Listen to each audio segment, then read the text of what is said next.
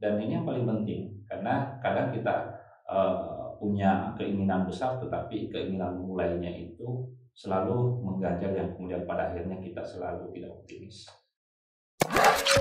Ikuti obrolan kami di PDD Indonesia. Sit back and relax and enjoy the talk. You're ready.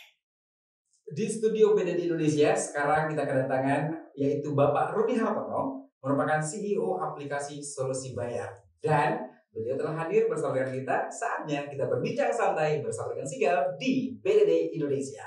Ini nampaknya sibuk sekali Pak ya. Kalau kegiatan hari ini sih uh, monitoring kegiatan hmm. karyawan sih, termasuk uh, memastikan aplikasi yang sementara kita develop saat ini uh, berjalan sesuai dengan sebagai pengusaha startup ataupun orang yang bergelut di dunia IT, ya. itu ada kesempatan untuk berkeliling Indonesia berarti ya Pak ya? Betul sekali. Mengunjungi beberapa daerah. Iya. Pengalamannya? Hampir di seluruh Indonesia sih ini sudah saya uh, jalani sih, mulai dari Sabang sih, pernah sampai di titik nol Sabang itu uh, perjalanan ke sana.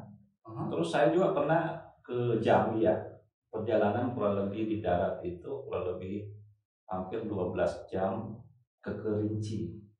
Jadi perjalanan di sana kebetulan kita lagi uh, berusaha bangun sistem untuk payment pointnya PDAM Kerinci ketika itu. Mm-hmm. Nah, itu pengalaman yang betul-betul menarik itu. Sebenarnya sih ada pesawat sih yang ke sana, cuma saat itu uh, kita tidak bisa apa ya Eh, mendapat kesempatan ketika itu naik pesawat karena kondisinya uh, tiketnya sudah enggak enggak, enggak dapat gitu.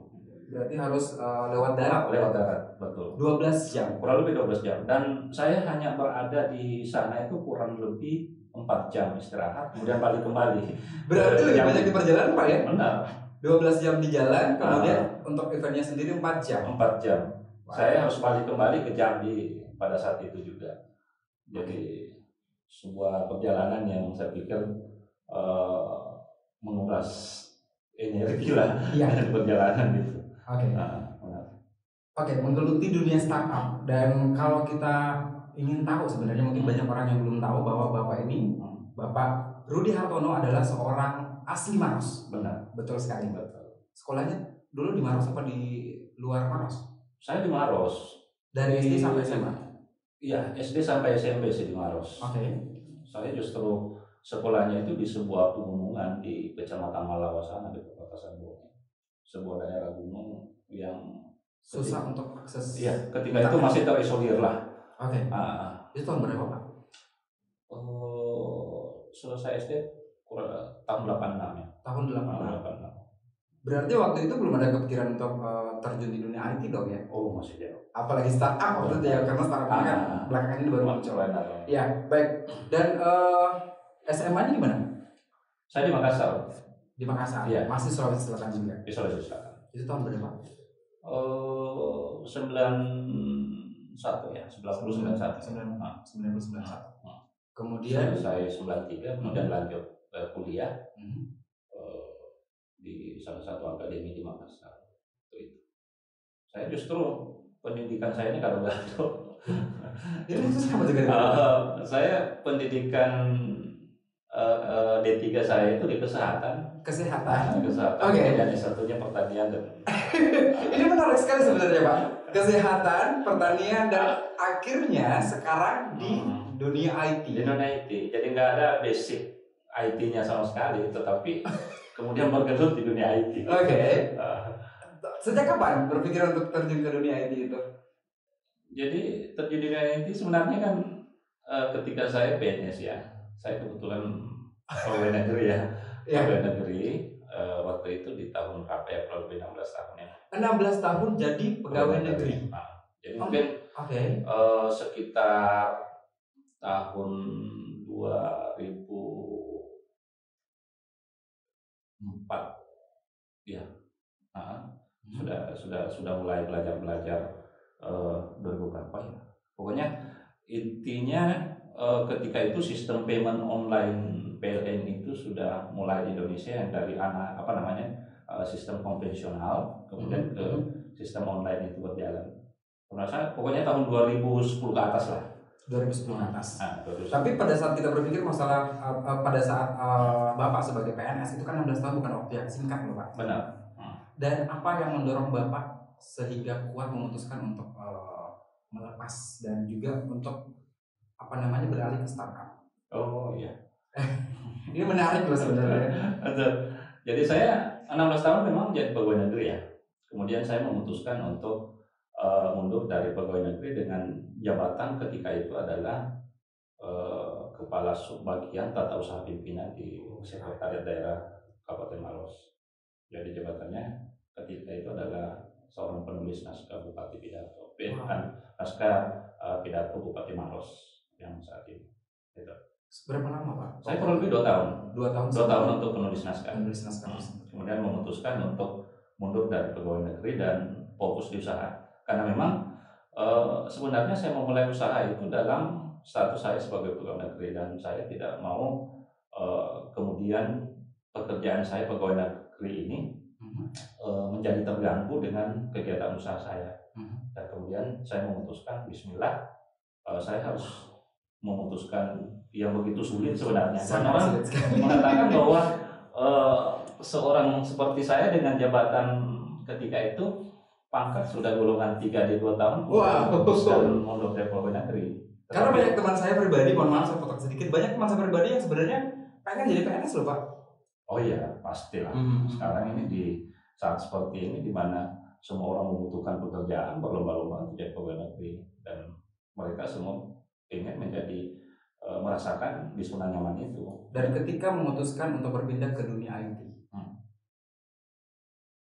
ada enggak uh, keluarga yang tiba-tiba keberatan dengan keputusan itu?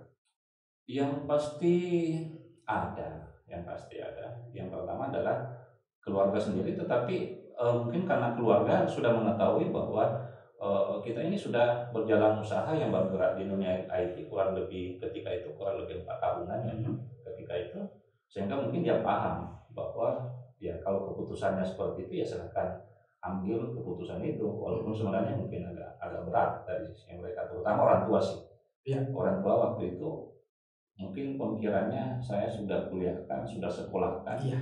kemudian itu adalah sebuah prestise menjadi seorang pegawai negeri kemudian dengan jabatan seperti itu Iya. dan bukan hanya orang tua orang-orang di sekelilingnya saya sahabat-sahabat teman dan eh, keluarga-keluarga lain juga mengatakan seperti itu bahkan banyak sih orang yang nyinyir kemudian waduh bodoh apa namanya bodoh amat nih Pak Rudi kemudian eh, memilih untuk jadi pegawai negeri kenapa nggak kemudian misalnya eh, tetap jalankan pegawai negeri tetapi usahanya juga tetap jalan Tetap jalan, dua-duanya bisa. Nah, dua-duanya berjalan. Tetapi bagi saya itu bukan sesuatu yang pribadi saya itu mengatakan bahwa itu adalah sesuatu yang baik. Mhm. Kenapa? Karena pasti ada yang terbengkalai di antara salah satu pekerjaan itu.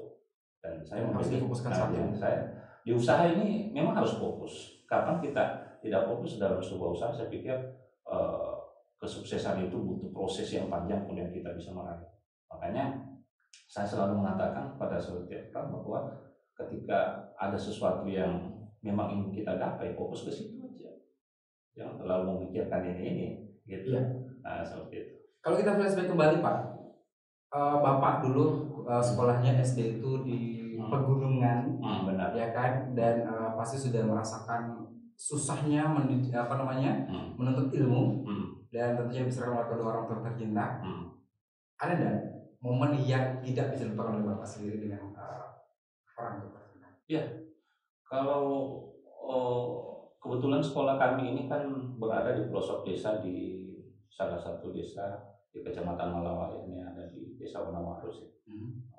di sana dan ketika itu di tahun 80-an memang luar biasa ini terisolir untuk eh, mobil motor aja itu sulit untuk bisa masuk sampai di sana. Bahkan eh, kita berpikir waktu itu adalah sesuatu yang tidak mungkin lah waktu itu ya.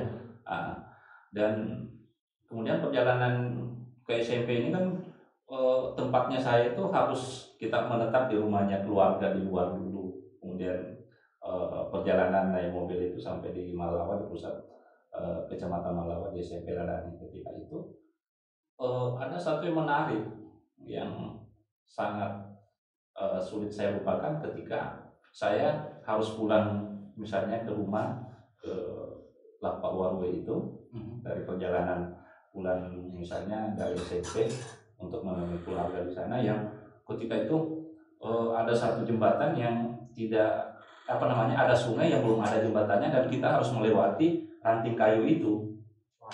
Dan kita harus lewati itu. Jadi jembatannya itu adalah ranting kayu yang uh, sudah dibuat oleh masyarakat dan ketika itu uh, saya bertiga dengan sahabat saya dalam perjalanan kemudian teman saya kebetulan memegang satu ranting yang ternyata rapuh dan jatuh uh, hanyut di sungai dan itu adalah sesuatu ya sungai. Uh, dan itu adalah sesuatu yang sulit untuk saya lupakan begitu uh, sulitnya yang namanya sebuah uh, apa namanya untuk meraih sebuah cita-cita dan ini proses perjalanannya sungguh luar biasa iya. dan proses itu sangat berkenan proses pahit yang harus ah, dilewati gitu ah, ini terkait masalah infrastruktur kemudian dan sebagainya hmm. tetapi alhamdulillah kan sekarang kan sudah bagus itu kembangannya sampai hari ini berarti bisa dibilang bahwa bapak uh, harus menetap di rumah keluarga yang suka ah. yang jauh dari orang tua benar, benar. Ah. berarti senin sampai hari sabtu iya Bapak uh, tidak bersama orang tidak, tua? Tidak bersama dan perjalanan kita itu harus jalan kaki sampai ke sana itu kurang lebih waktu itu dua jam dari perjalanan wow. itu. Itu kan belum ada kendaraan sama sekali kan. Dua jam nah, perjalanan. Jam perjalanan. Untuk sampai di sekolah itu. Artinya untuk sampai dari rumah keluarga kemudian ke rumahnya orang oh, tua. Okay. Kalau hmm. dari rumah keluarga ke sekolah itu waktu itu kan uh, sudah ada kendaraan umum sih. Cuma ya masih terbatas sekali. Bapak waktu kecil lebih dekat siapa? Bapak atau ibu? Saya lebih dekat ibu. Lebih dekat ibu. Anak laki-laki pak ya? Anak laki-laki. Ya. Kebetulan bungsu juga. Oh bungsu betul betul. Iya. Apa hal ataupun momen yang paling dikenang dengan ibu ketika masih SD ataupun SMP dulu? Bapak waktu SD apa gak sih pak? Uh, saya nggak tahu sih nakal gimana ya.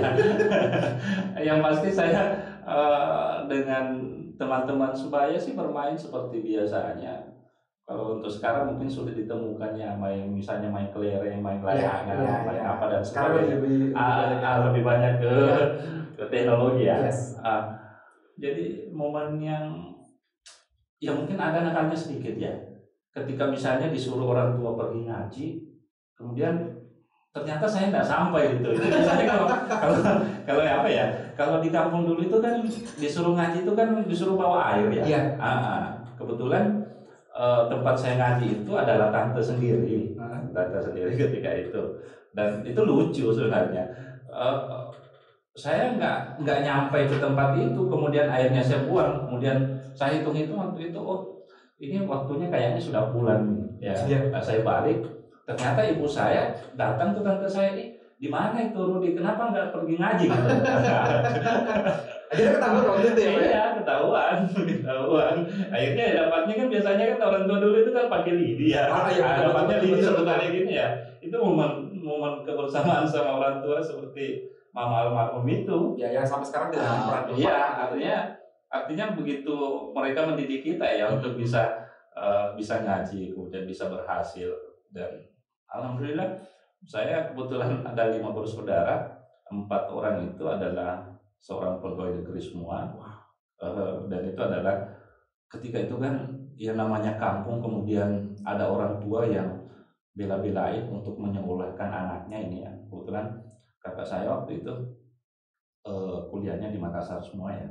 Ada yang di IKIP kemudian ada di Kesehatan Lingkungan ada uh, di apa ya di POP ketika itu. Dan orang tua ini betul-betul uh, menjadi inspirasinya kita, semangatnya kita. Dia menjual rumahnya, kemudian membelikan satu tempat di Makassar, kemudian kita sekolah.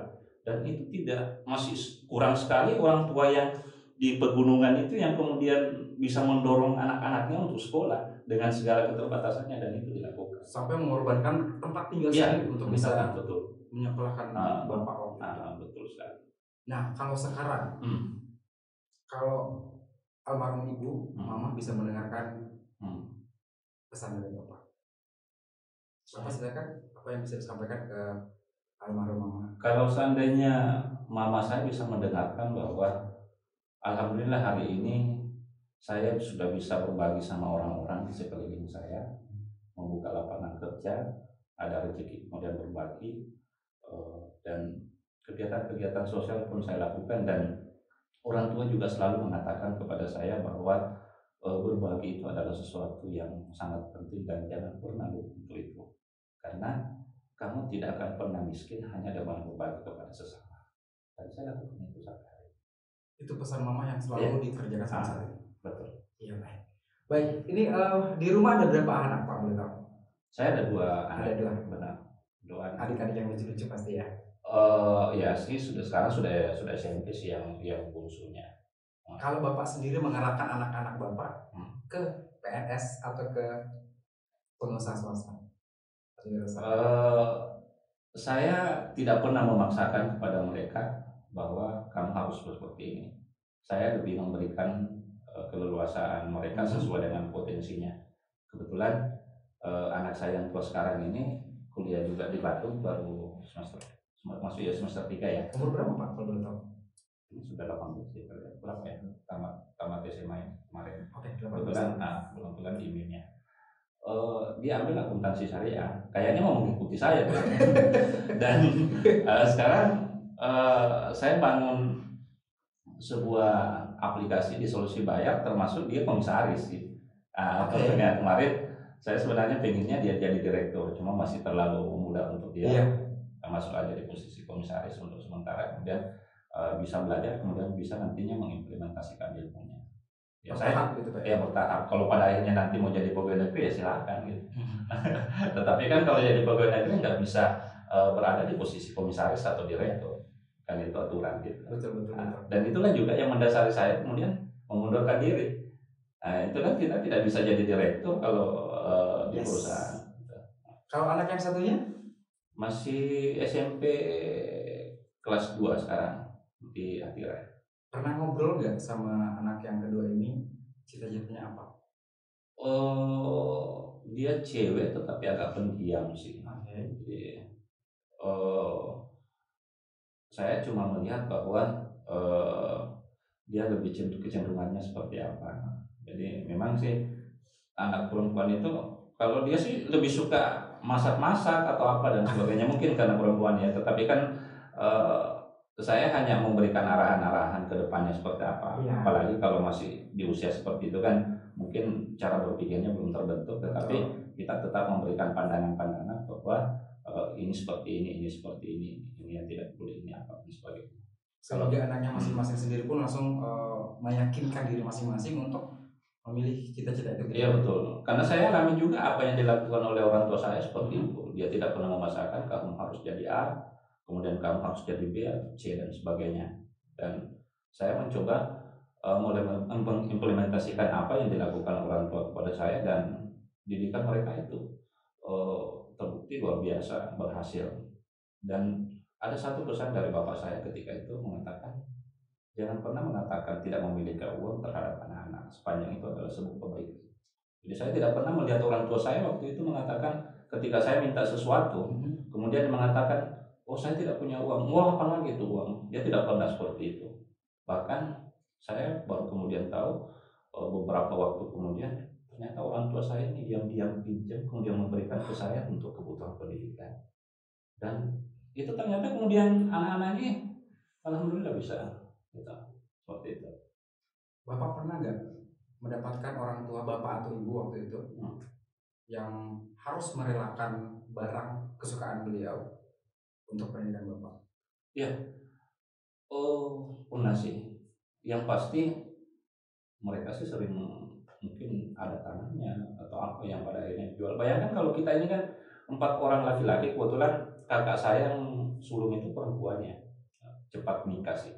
Kemudian ada empat adiknya laki-laki semua yang pada akhirnya kuliah di Makassar.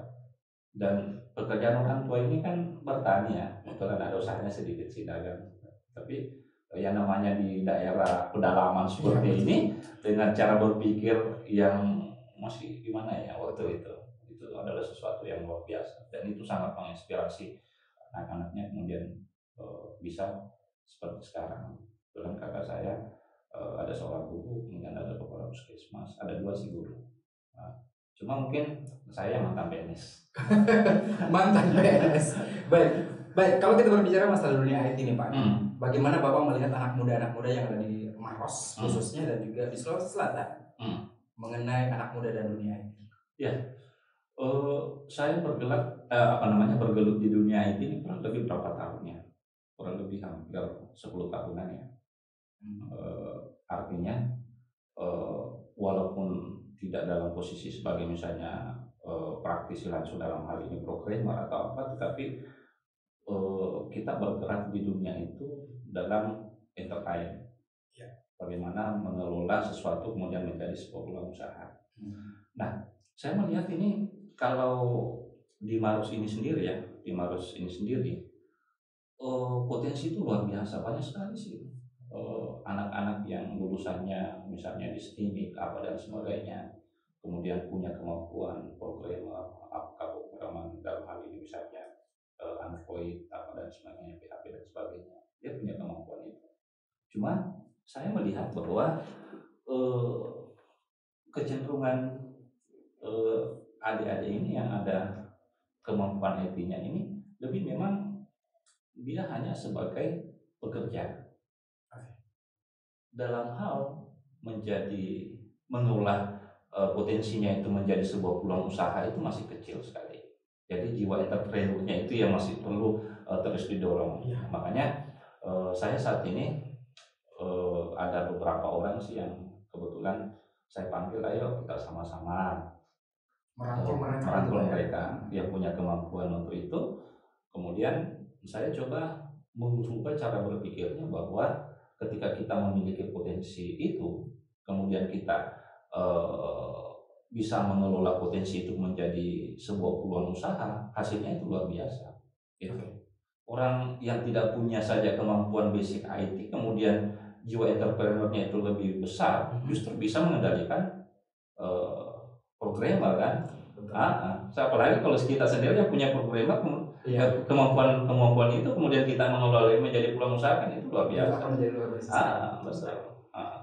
Dari segudang kegiatan jadwal yang padat dan Hmm. tentunya eh, Bapak sendiri mengatakan bahwa harus berkeliling kota, berkeliling Indonesia bahkan. Ada waktu nggak sih Pak untuk keluarga liburan bersama mereka? Ada, tetap ada karena sih. Bapak suka akhirnya istri juga ikut suka? Ah, ya kayaknya, tetapi memang memang ya kadang Ya, baik. Di rumah sendiri, hubungan juga Bapak dengan anak-anak. sekali. Jadi kalau misalnya di tamu, saya biasanya sih Hmm, memang di hari biasanya kalau Ya, misalnya saya ada tuh kegiatan keluar kota suka ada aja jahil sama mereka sih sampai minggu. Jahil. Ah, artinya suka main-main gitu. Saya kalau lihat Bapak sebenarnya Waktu itu. karakter orang yang serius loh. Kalau saya bisa lihat ya, Pak, Iya, iya, iya. dengan satu kata ya. Ah. Tapi kok bisa jahil sama Iya, saya? suka main-main sama ah, suka apa aja sih ganggu-ganggu gitu. Jarang. Biasa. Justru Bapak yang jahil gitu kan. Hmm, biasa. Ya, Biasa. Ini saya ada ada beberapa juga- minggu ini ya. Iya sekarang kan lebih banyak dari dedicated ya ya kita ada rencana Oke. dengan apa namanya main game atau apa dan sebagainya itu terlalu serius dengan itu ya saya Biasanya kalau dengan keluarga liburan dekat sama mereka ya seperti itu ganggu ganggu Biasa mereka aja gitu. Oke, Biasa kalau tentang dengan- IT Pak ya. Iya, tetap gitu. Tetap ke situ juga Pak ya. Iya. Tidak bergeser. Kan tidak. Oke, baik. Dan eh, ke depannya Nonton dengan Bapak istri saja atau dengan banyak kegiatan kita? lagi. Oh, biasanya kalau juga anak-anak ada waktu ya. semoga kesehatan selalu bersama Amin, Tapi Eh, kita ada permainan seperti biasa Anak sebelum kita juga. menutup eh, percobaan kita kan Hari ini kita ada permainan yang akan Bapak jawab dengan cepat. Jadi saya akan membacakan beberapa pilihan. Iya. Kemudian Bapak jawab dengan cepat. Tapi dengan alasan. Oh, biasanya sih film-film Luar luar negeri. Ah, Oke, negeri. siap. Ya. Facebook atau Instagram juga suka nonton Suka. film perang. Suka. Facebook. Apa karena Bapak suka akhirnya istri juga ikut suka? Ah, ya kayaknya suka gitu. Saya menggunakan Ya, ah, baik. Di rumah sendiri, eh, hubungan Bapak dengan anak-anak Aspek, kemudian ketika lagi eh, Facebook ruang tamu dan sebagainya. Jadi lebih kepada eh, pengembangan Ya saya tuh Ah, suka termasuk ya ya jahil sama mereka sih. promosikan. Jahil. Ah, ah, artinya suka main-main gitu. Saya kalau lihat Bapak sebenarnya karakter orang yang serius loh. Kalau saya bisa lihat ya, Bapak Iya, iya. pakai dengan satu kata ya. Tapi kok bisa jahil sama Iya, saya? suka main-main sama ah, suka sesama apa aja sih ganggu-ganggu gitu. Berikutnya. Justru Bapak yang jahil dengan keluarga. biasa Di biasa Bali. ini anak-anak ini kan ya sekarang kan lebih banyak yang di Bali gitu ya.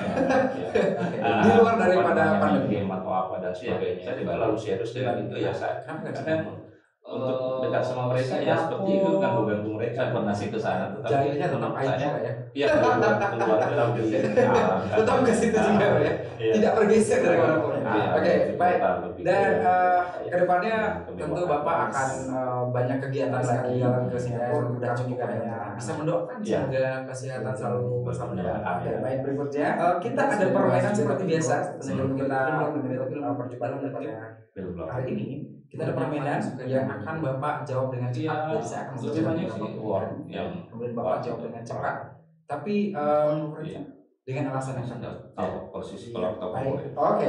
Cuma saya lebih senangnya itu kalau misalnya perang atau apa dan sebagainya Suka dengan perang-perang ah, itu dengan strategi strateginya ya. Saya lebih melihat selalu melihat oh iya, ada strategi nih. Jadi di dunia usaha juga kan saya saya selalu gunakan itu untuk Coba saya akan sebutkan film dan eh, coba Bapak sebutkan Aktornya. eh, Facebook, Eh, dan Die Hard. Bapak Bapak pernah nonton? Pernah usaha. Pernah, pernah. Eh, ter- Termasuk ya, bagaimana mempromosikan usaha. Oke. Saya cuma gitu, nonton aja sih. Nonton aja tapi eh, tidak fokus kepada ya artinya tidak terlalu tapi saya eh, fokus pada pemainnya dan sebagainya, lebih kepada sini eh, dan skenario nya, sasaran Baik, sasaran. pertanyaan selanjutnya saya adalah pertanyaan berikutnya. Hmm. Liburan dengan keluarga di Bali atau di Singapura? Lebih senang dangdut ya? Sementara di Bali, Di luar daripada pandemi, Pak. Iya, saya di Bali. Di ini nah, merakyat ya. Oke. Nah, saya dari kecil itu suka sih ke sana, tetapi menurut saya hanya liburan mobil keluarga, ada di ada alam dengan baru saya baru sungai juga. Ah. Eh, Kalau Singapura lebih ke kota ya? Ah, lebih kota, ya beda kalau dangdutnya sekarang ya. Eh, saya lebih cenderungnya dalam dangdutnya dulu. Ya memang sekali jalan ke Singapura udah cukup lah ya eh, untuk anak-anak seperti ya, Ah. ya bahasanya sesuai dengan Oke, kondisi. baik berikutnya. Tapi tadi sudah dibahas juga tapi ya, nggak apa-apa ya? tanyakan kembali. Iya, ya, ya? Ah, Tapi kalau kamu suka film yang paling Suka. Iya, Dangdut berarti. Kalau dangdutnya itu dangdut yang apa ya itu? Aktor Yang lagu-lagu itu tahu posisi kalau aktor favorit. Oke. Ah, Cuma saya lebih senangnya itu kalau misalnya perang atau apa dan sebagainya Suka dengan perang-perang ah, gitu ya. dan strategi strateginya Yang ya. ya. Saya lebih melihat selalu melihat oh iya, ada strategi nih. Jadi di dunia usaha juga kan saya selalu ada ini lagu juga. Coba saya akan sebutkan Tapi panggilan juga dan uh, Oh, coba iya. Bapak sebutkan Dan kalau kalau tiba-tiba ada teman saya kayak Die Hard. Nah, saya Bapak Bapak pernah nonton Die Hard? kegiatannya pernah pernah Eh, jarang. Aktornya yang saya lebih banyak semuanya di depan komputer. Iya. Oke. Nah, saya cuma gitu, nonton aja sih. Nonton aja Nah, nanti masalah fokus kepada tidak, ya artinya tidak terlalu Bapak eh, fokus pada pemainnya apanya dan sebagainya. Lebih kepada saya tuh justru gini. Baik, saya waktu saya sekolah itu itu kan biasanya kan ada pendidikan apa ya pelajaran seni ya disuruh nyanyi ya. Ah, senang saya justru biasanya sampaikan kalau misalnya disuruh nyanyi lebih bagus saya disuruh pidato gitu kan. Saking saya tidak bisa nyanyi gitu. Oke.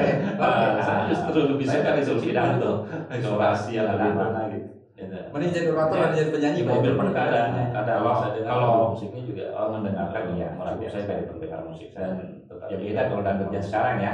Eh, saya lebih cenderungnya dalam strategi ya memang. Kalau anak-anak di rumah ada nyanyi?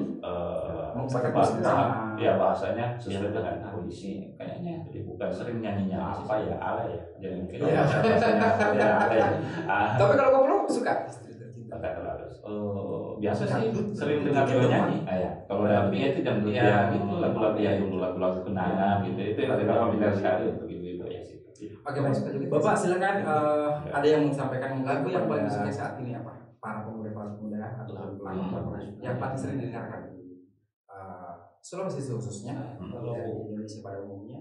aduh udah terlalu sih dengan lagu juga. Tapi biasa karaoke juga. Eh, jarang. Jarang. Nah, paling kalau tiba-tiba ada teman. Ya Tapi kalau untuk saya eh, jarang. adik saya lebih banyak semuanya ke saudara atau siapa pun. Nah, khususnya Baik, di itu bahwa Dan eh, kalau kita berbicara masalah dangdut dan juga lagu rock. Bapak ada lagunya itu pasarnya sungguh tak terbatas. Saya tuh justru gini. baik. Saya waktu sekolah itu, itu kan biasanya kan ada pendidikan apa ya pelajaran seni ya disuruh nyanyi ya. Nah, luar saya justru biasa. biasanya Inspirasi, sampai ya, motivasi kalau tentunya. misalnya disuruh nyanyi lebih bagus, saya disuruh pidato Seorang gitu. Bapak Rudi Hartono. Saking saya tidak bisa nyanyi gitu. Tadi, oke. Ah, saya justru lebih suka disuruh pidato, ada orasi atau gimana. Aku udah gitu. saja, tapi mending jadi orator dan jadi penyanyi Pak, Iya. daripada menjadi baik. Demikian Kalau- perbincangan kalau- kita, perbincangan kalau santai dengan dan ya. Bapak Rudi Hartono pada hari ini. kalau dan jangan khawatir karena kita masih akan ada lagi bintang berikutnya yang akan Kalau di di ada pakai PDD Indonesia merupakan musiknya tetap subscribe Iya, untuk isi. channel kita. Kayaknya. Terima kasih banyak Bapak. Iya, terima kasih mungkin eh, Kepala BDD dan Sukses selalu Pak. Terima Ya. kasih banyak. Eh, biasa sih sering dengar juga nyanyi, tetapi ya gitu lagu-lagu yang dulu lagu-lagu kenangan gitu itu itu kan familiar sekali untuk ibu-ibu ya. Oke baik, Bapak silakan eh, ada yang mau sampaikan mungkin kepada para pemuda para pemuda ataupun pelakon pelakon IT yang yang ada di eh, Sulawesi khususnya Hmm. dan di Indonesia pada umumnya apa pesan seorang Bapak Rudi Hartono kepada eh, anak muda anak muda yang perlu? Iya. Silakan. Eh, saya mengajak kepada eh, adik-adik sekalian atau saudara-saudara atau siapa pun eh, khususnya yang bergelut di dunia IT bahwa eh, pasar ini terbuka luar biasa. Bergerak di dunia IT itu pasarnya sungguh tak terbatas dan ini bisa kita kelola dengan baik. Ketika orang di luar sana mampu melahirkan aplikasi-aplikasi yang kemudian diterima, itu saja. Wow, luar biasa. Inspirasi, motivasi tentunya kita telah dapatkan dari seorang Bapak Rudi Hartono yang kita dapatkan pada Ya. hari ini dan tentunya insya Allah akan menjadi sebuah inspirasi buat kita semuanya bukan hanya kepada kalangan anak muda saja tapi seluruh masyarakat Indonesia. Ya. Baik, demikian perbincangan kita, perbincangan santai dengan dan juga uh, Bapak Rudi Hartono pada hari ini. Dan jangan khawatir karena kita masih akan ada lagi bintang tamu berikutnya yang akan kita undang di PDD Indonesia dan tentunya tetap subscribe untuk channel kita. Terima kasih banyak Bapak. Iya, terima kasih eh, Kepala BDD dan sukses selalu. Sukses selalu Pak. Terima kasih Ya. banyak.